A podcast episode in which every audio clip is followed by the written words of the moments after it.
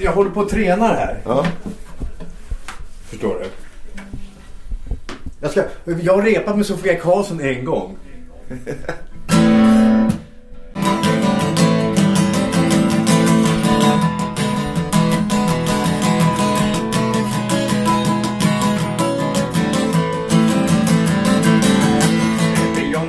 Det här är John Arthur Ekebert.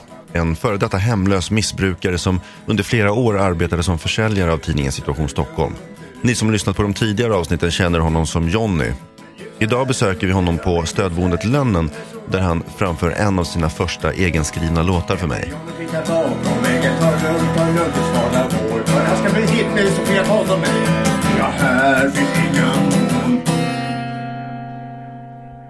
här finns Ja, här finns inga moln. Ja, här finns inga moln. Har du, har du skrivit den? Ja, ja visst. det, det bara gungar om nu. Men hur länge har du lirat, eh, du har lirat musik hela livet? Eller? Nej, nej, nej, nej. Nej. nej, nej. Det är nej jag, första- slog, det är jag, första slog, gången. jag, slog mina, jag slog mitt första ackord när jag var 45 bast. Jag gav mig fan på att jag skulle lära mig spela gitarr alltså. Då sa en polare, han som lärde mig. Alltså så här, gör så här. Bomba, bomba, bomba, bomba. Och jag fattar ingenting. Bomba, bomba, bomba. Och så byter du ackord. Så lär man ett till då. Rock'n'roll! I år fyller tidningen Situation Stockholm 20 år. I två decennier har den bidragit till att hemlösa människor haft en meningsfull sysselsättning. Den här podcastserien handlar om Situation Stockholms försäljare och livet som hemlös i Stockholm. Programmet är ett samarbete mellan Bauer Media Group och Situation Stockholm. Jag heter Robin Israelsson.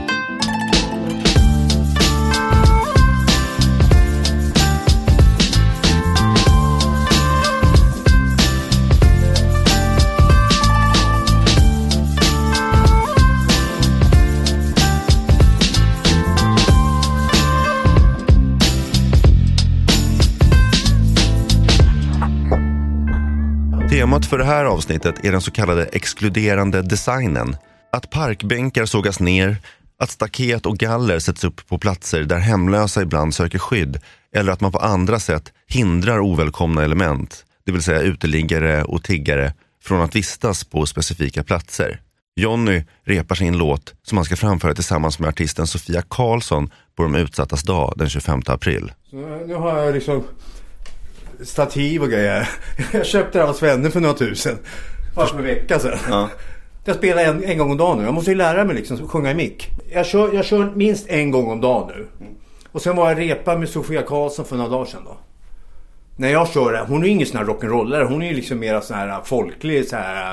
Jag vet inte vad det kallas för. Och hon var ju skitglad liksom. Fan vad roligt att få, jag önskar mig det. Och liksom få, och, och få kompa till någon. För hon får ju alltid liksom andra kompar till henne va. Så nu får hon kompa till mig på lördag. Vad tyckte hon om låten då? Nu har hon inte hunnit sagt något om. Hon får inte en syl i vädret. nej, nej, nej, nej. Inte en syl vet du. Gör som jag säger nu vet du. Ska du släppa de här låtarna sen också? Ja, det är klart. Det är Jonny själv som tagit initiativet till de utsattas dag och syftet är att samla in pengar till stödboendet Bostället så att de kan dela ut presentkort på kläder till hemlösa. Men Jonny slutar inte där. Han brinner för gatufolket på flera plan. Om ett par dagar ska han föreläsa för Arkitekter utan gränser om hur uteliggare blir bortkörda från sina kojor i skogen, hur kommunen tar bort allt fler parkbänkar och hur den så kallade exkluderande designen blir allt mer påtaglig. Nu nu på Medborgarplatsen, eh, runt påsk här. Jag var mycket där och hängde då. Toaletterna, de var helt nerbajsade. Eller så var de låsta på annan dag. Alltså det gick, det gick inte att gå in där. Och, och då tänkte jag, då smyger jag upp till min, mina gamla buskar lite högre upp där mot Mosebacke. Där finns det några buskställen där man kan gå in och gömma sig alltså mer än vad en hund gör som springer och pissar och skiter. Va? För jag vill inte liksom visa andra att jag pissar. Va? Så jag springer och gömmer Jag har mina ställen. Nej, då har, då har de sågat ner varenda jävla buske. Där. Jo, det är typiskt för att man inte ska kunna gå in där bakom de där buskarna. Då. Men samtidigt då så skit i staden i, i toaletterna och sköta dem. Va? Eh, Varför då? Det vet det fan. Alltså de, kan inte, de som sitter ansvariga och bestämmer och planerar, de kan inte planera. Så de, de, alltså de, de befinner sig i sina jävla fyrkanter.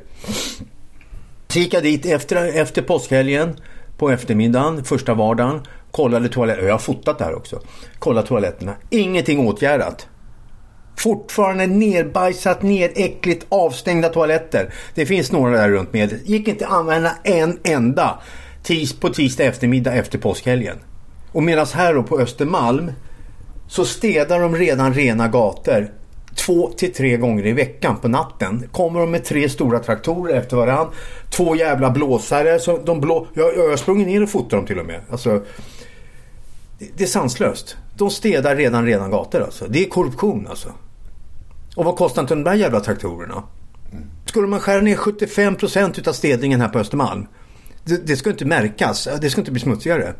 De 75 procenten skulle, jag har bara gjort ett överslag. Det skulle räcka med att städa varenda toalett på Östermalm en gång i timmen. Eller på Södermalm en gång i timmen. Det är vad de här jävla nattbilarna kostar alltså. Förstår du? Hur, fan, hur, hur tänker de? Vad de håller på? Mm. Och det är på Medborgarplatsen folk rör sig. Medborgarna är ju där. Hänger där. Här hänger de ju inte så mycket. Titta ut på den här gatan alltså. Den är helt spikren. Alltså. Vad tror du anledningarna är till att de inte städar toaletterna? Uppgivenhet, dålig planering. Det handlar inte om pengar. Det tror jag inte. De, de skiter i det helt enkelt. Men du, men du hävdar ju att, att uh, exkluderande design har funnits länge. Men nu har ju debatten nu under våren blossat upp jävligt mycket. Mm. Vad tror du det beror på då? Ja men det, det, det beror på att det har blivit så uppmärksammat med, det nya, med, med romerna då om man klar, talar klarspråk. Romerna som har, eh, försöker finna sin ekonomi här och det är för jävligt alltså. Att eh, fattiga människor från andra EU-länder ska behöva resa till andra länder för att kunna försörja sig, för att kunna få ge sina barn mat. Det är ungefär som vi som har det dåligt här som lever på existensminimum skulle vara tvungna att åka till Norge och tigga. Tänk dig det alltså. Vi, vi har haft den här stilen, vi gamla uvar. Att vi springer inte och vi, vi, visar oss inte så mycket. Och sen vi är utsatta av olika anledningar också. Och sen från olika kulturer. Vi, vi som har levt i hemlöshet, utsatthet, missbruk från början här. Vi, har ju, alltså vi springer ju inte eh, och visar oss på samma vis så som romerna gör. Men visst, det har funnits tiggeri alltid i, i, i, Sverige utanför bolaget. Eller, en del, en del utav oss, kan du hjälpa mig med ett par spänn? Men jag, när jag har tiggt har jag ställt mig utanför bolaget. Om jag har varit dålig. Jag har ställt mig utanför bolaget. Om jag, om jag inte haft pengar, inte orkat fixa pengar. Stopp med det där. Och så sagt bara. Tjena, fan kan du hjälpa mig med ett par spänn till en pilsner? Och det har gått jävligt bra alltså. Det på 15 minuter har jag fått ihop, 15 minuter har jag fått ihop 50 kronor. Då kan jag köpa några pilsner så jag blir frisk igen. Ja, alltså det har ju vuxit fram sakta. De har ju tagit del efter del. Men eh, de har ju nu, nu framförallt för några år sedan så började de ta bort eh, bänkarna där vi brukar sitta.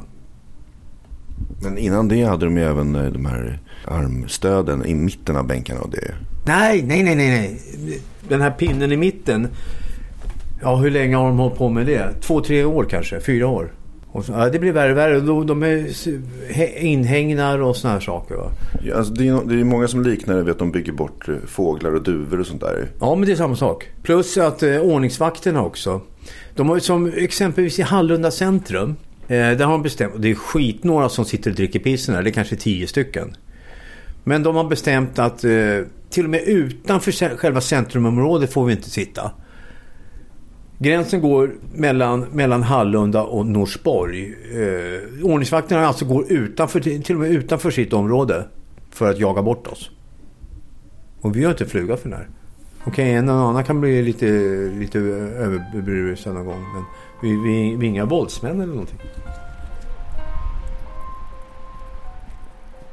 Jag åker och pratar med arkitekt Ola Andersson som bland annat varit med och ritat Situation Stockholms nya lokaler på Timmermansgatan. Vad har han att säga om den exkluderande designen? Är det en ny trend eller har den alltid funnits? Vad är syftet och vem är ansvarig? Jag heter Ola Andersson och jag är arkitekt och eh, delägare och grundare av Andersson Arvidsson Arkitekter. Ja, men exkluderande design är ju i sig inte ett problem. Man kan säga så här att ytterdörren på din lägenhet är ju en exkluderande design och det, så ska det ju vara för att om vem som helst kunde komma in i din lägenhet så skulle det inte vara ditt hem. Och eh, det som jag kan tycka är problematiskt med exkluderande design det är ju när man på allmän plats exkluderar vissa grupper. Nej, här är de, de här människorna är här, det är inget bra, vi gör någonting så att de inte kan vara här. Så det är ett faktum att den exkluderande designen är framtagen för att få bort vissa sociala grupper? Ja, alltså det finns ju exempel på det. Mm. Eh, sen begreppet exkluderande design är ju, ja, tycker det, är, det är lite konstigt för det handlar ju inte om att det är ett problem att du har en ytterdörr som du kan låsa på din lägenhet. Utan problemet ligger ju i hur man använder allmän plats. Om man tar då den, som den designen som debatten på senaste tiden har handlat om, det vill säga att man, man bygger bänkar som inte går att vila på och sånt där. Varför tror du att man har tagit fram den eh, designen? Jag tror att det är ett problem som eh, så att säga, hanteras på ganska låg nivå i när man projekterar nya parker. Att bara någon säger så här, men det är ett problem, vi har ett problem här, våra parkskötare ser att det ligger folk och sover på de här bänkarna. Kan vi göra någonting åt det? Ja, vi sätter ett handtag i mitten så inte går det där. Ja, det är bra. Det är inte så att det är ett beslut i kommunfullmäktige utan det här är sånt där som små vardagsbeslut som folk, där, där man liksom sätter praktiska överväganden före.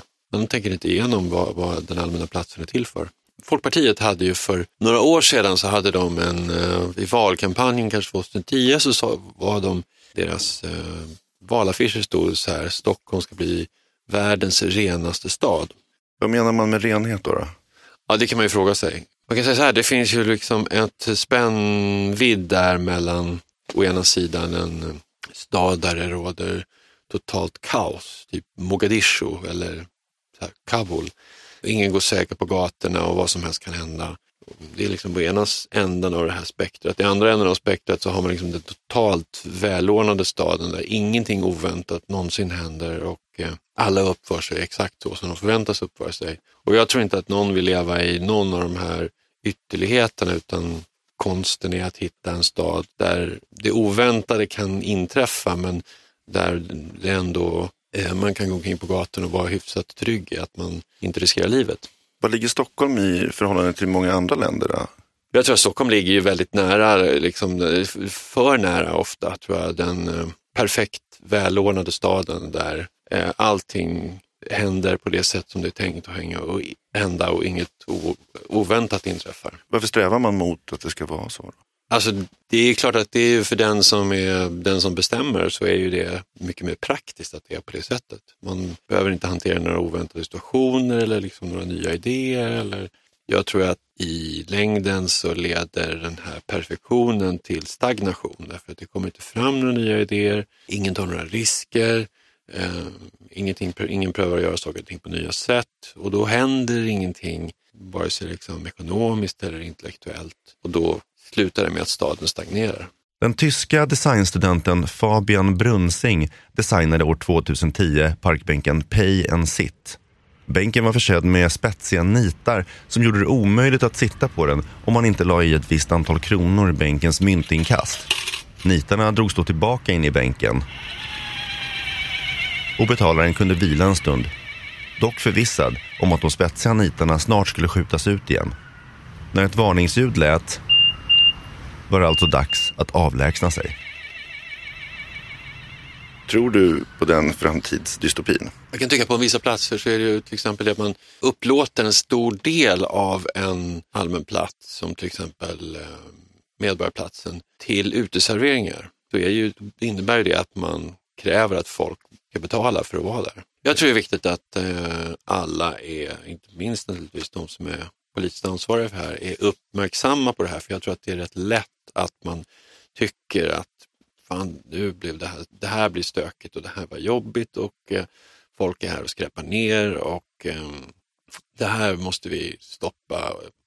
Eller att det är så att man har, jag menar, en, en sån exempel är ju till exempel på, på den här konflikten är på Hornsbergs strand, heter det väl, vid eh, Kungsholmen. Där eh, man har gjort allt för att få en väldigt attraktiv miljö nere vid vattnet och lyckats extremt bra. Så bra att det nu, de som bor i husen klagar på att folk är så att säga, på inom citationstecken deras strandpromenad. Men den är ju inte deras, den tillhör ju alla. så att Alla stockholmare och alla som vistas i Stockholm lagligt överhuvudtaget har ju samma rätt att vara på den strandremsan som de som har köpt bostadsrätter med utsikt över den. Så du menar nästan att attraktiv design eller inkluderande design kan vara ett, vara ett stort problem också? Jag tror att det kan vara eh, fresta på tålamodet hos de som har framförallt som har köpt bostäder framförallt i exklusiva lägen. Och då tror jag att det är väldigt viktigt att man kan göra klart för de som bor i de här eh, lägenheterna att så ja, men ni äger en bostadsrättsförening, ni äger det här huset men ni äger inte gatan utanför utan den tillhör alla.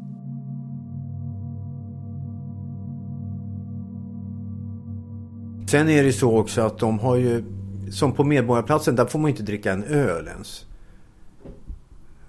Över, runt hela det området. Ända bort till, eh, vad fan blir det? Nästan till Zinkensdamm alltså.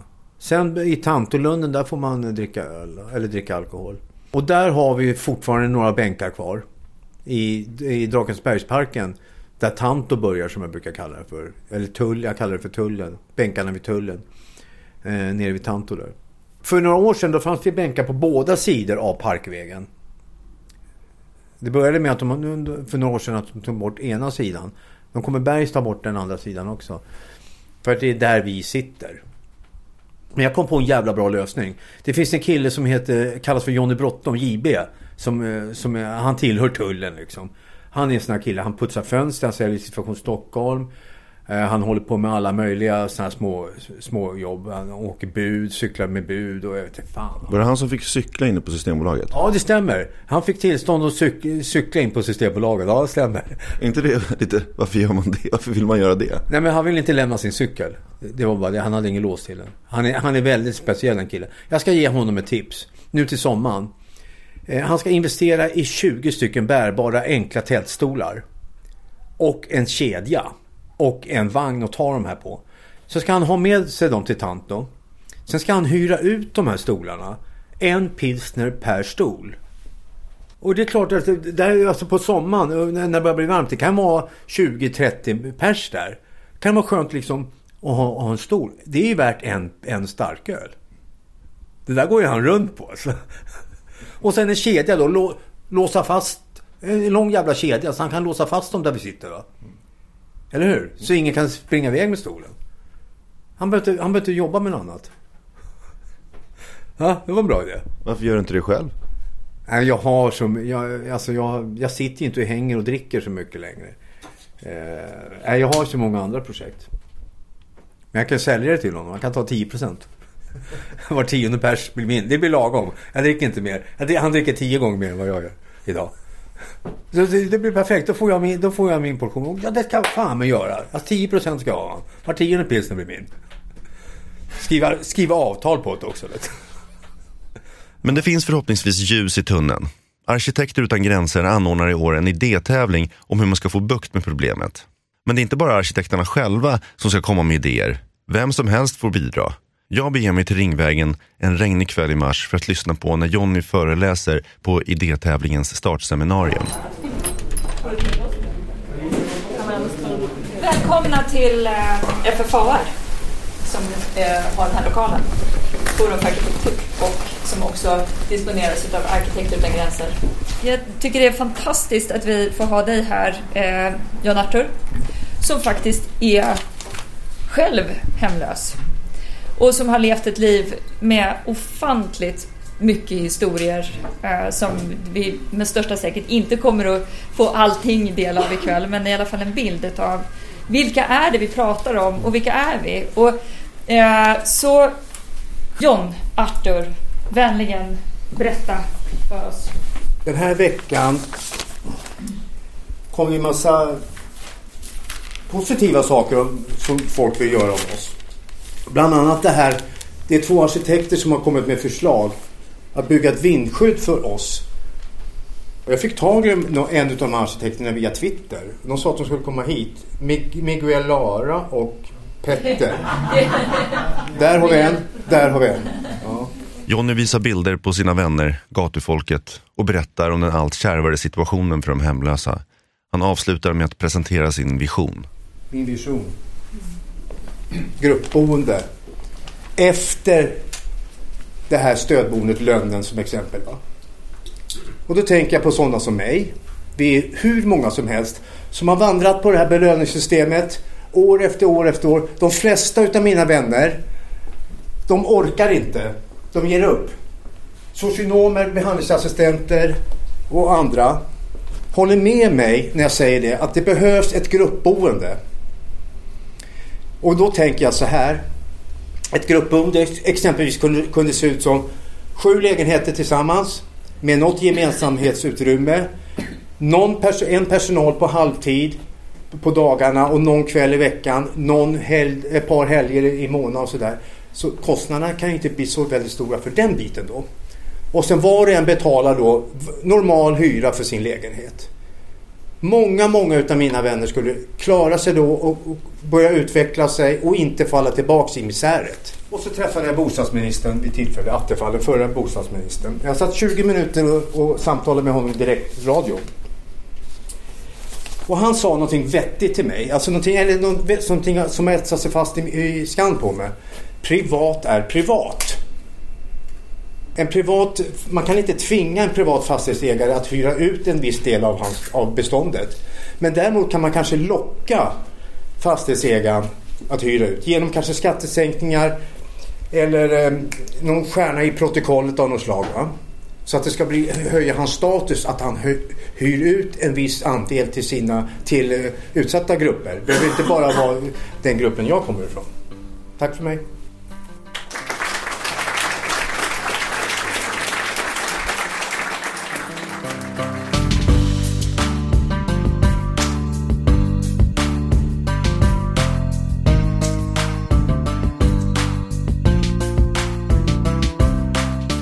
Oktober offentliggörs resultatet av arkitekttävlingen och när det här avsnittet klipptes hade Södermalms stadsdelsnämnd nyligen beslutat sig för att avskaffa den exkluderande designen.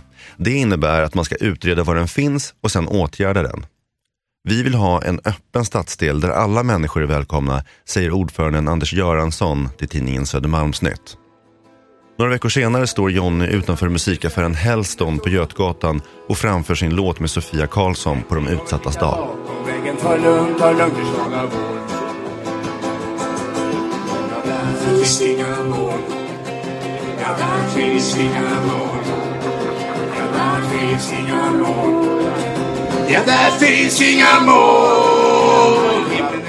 Nästa avsnitt handlar om döden.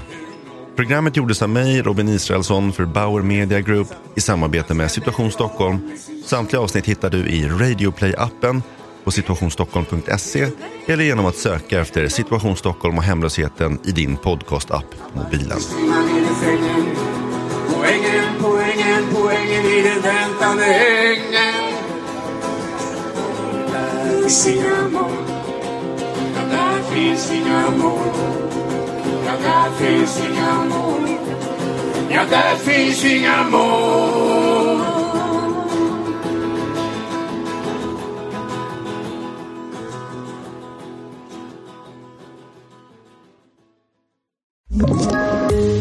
poddtips från Podplay. I podden Något Kaiko garanterar östgötarna Brutti och jag, Davva, dig en stor dos skratt. Där följer jag pladask för köttätandet igen. Man är lite som en jävla vampyr. Man har fått lite blodsmak och då måste man ha mer. Udda spaningar, fängslande anekdoter och en och annan arg rant.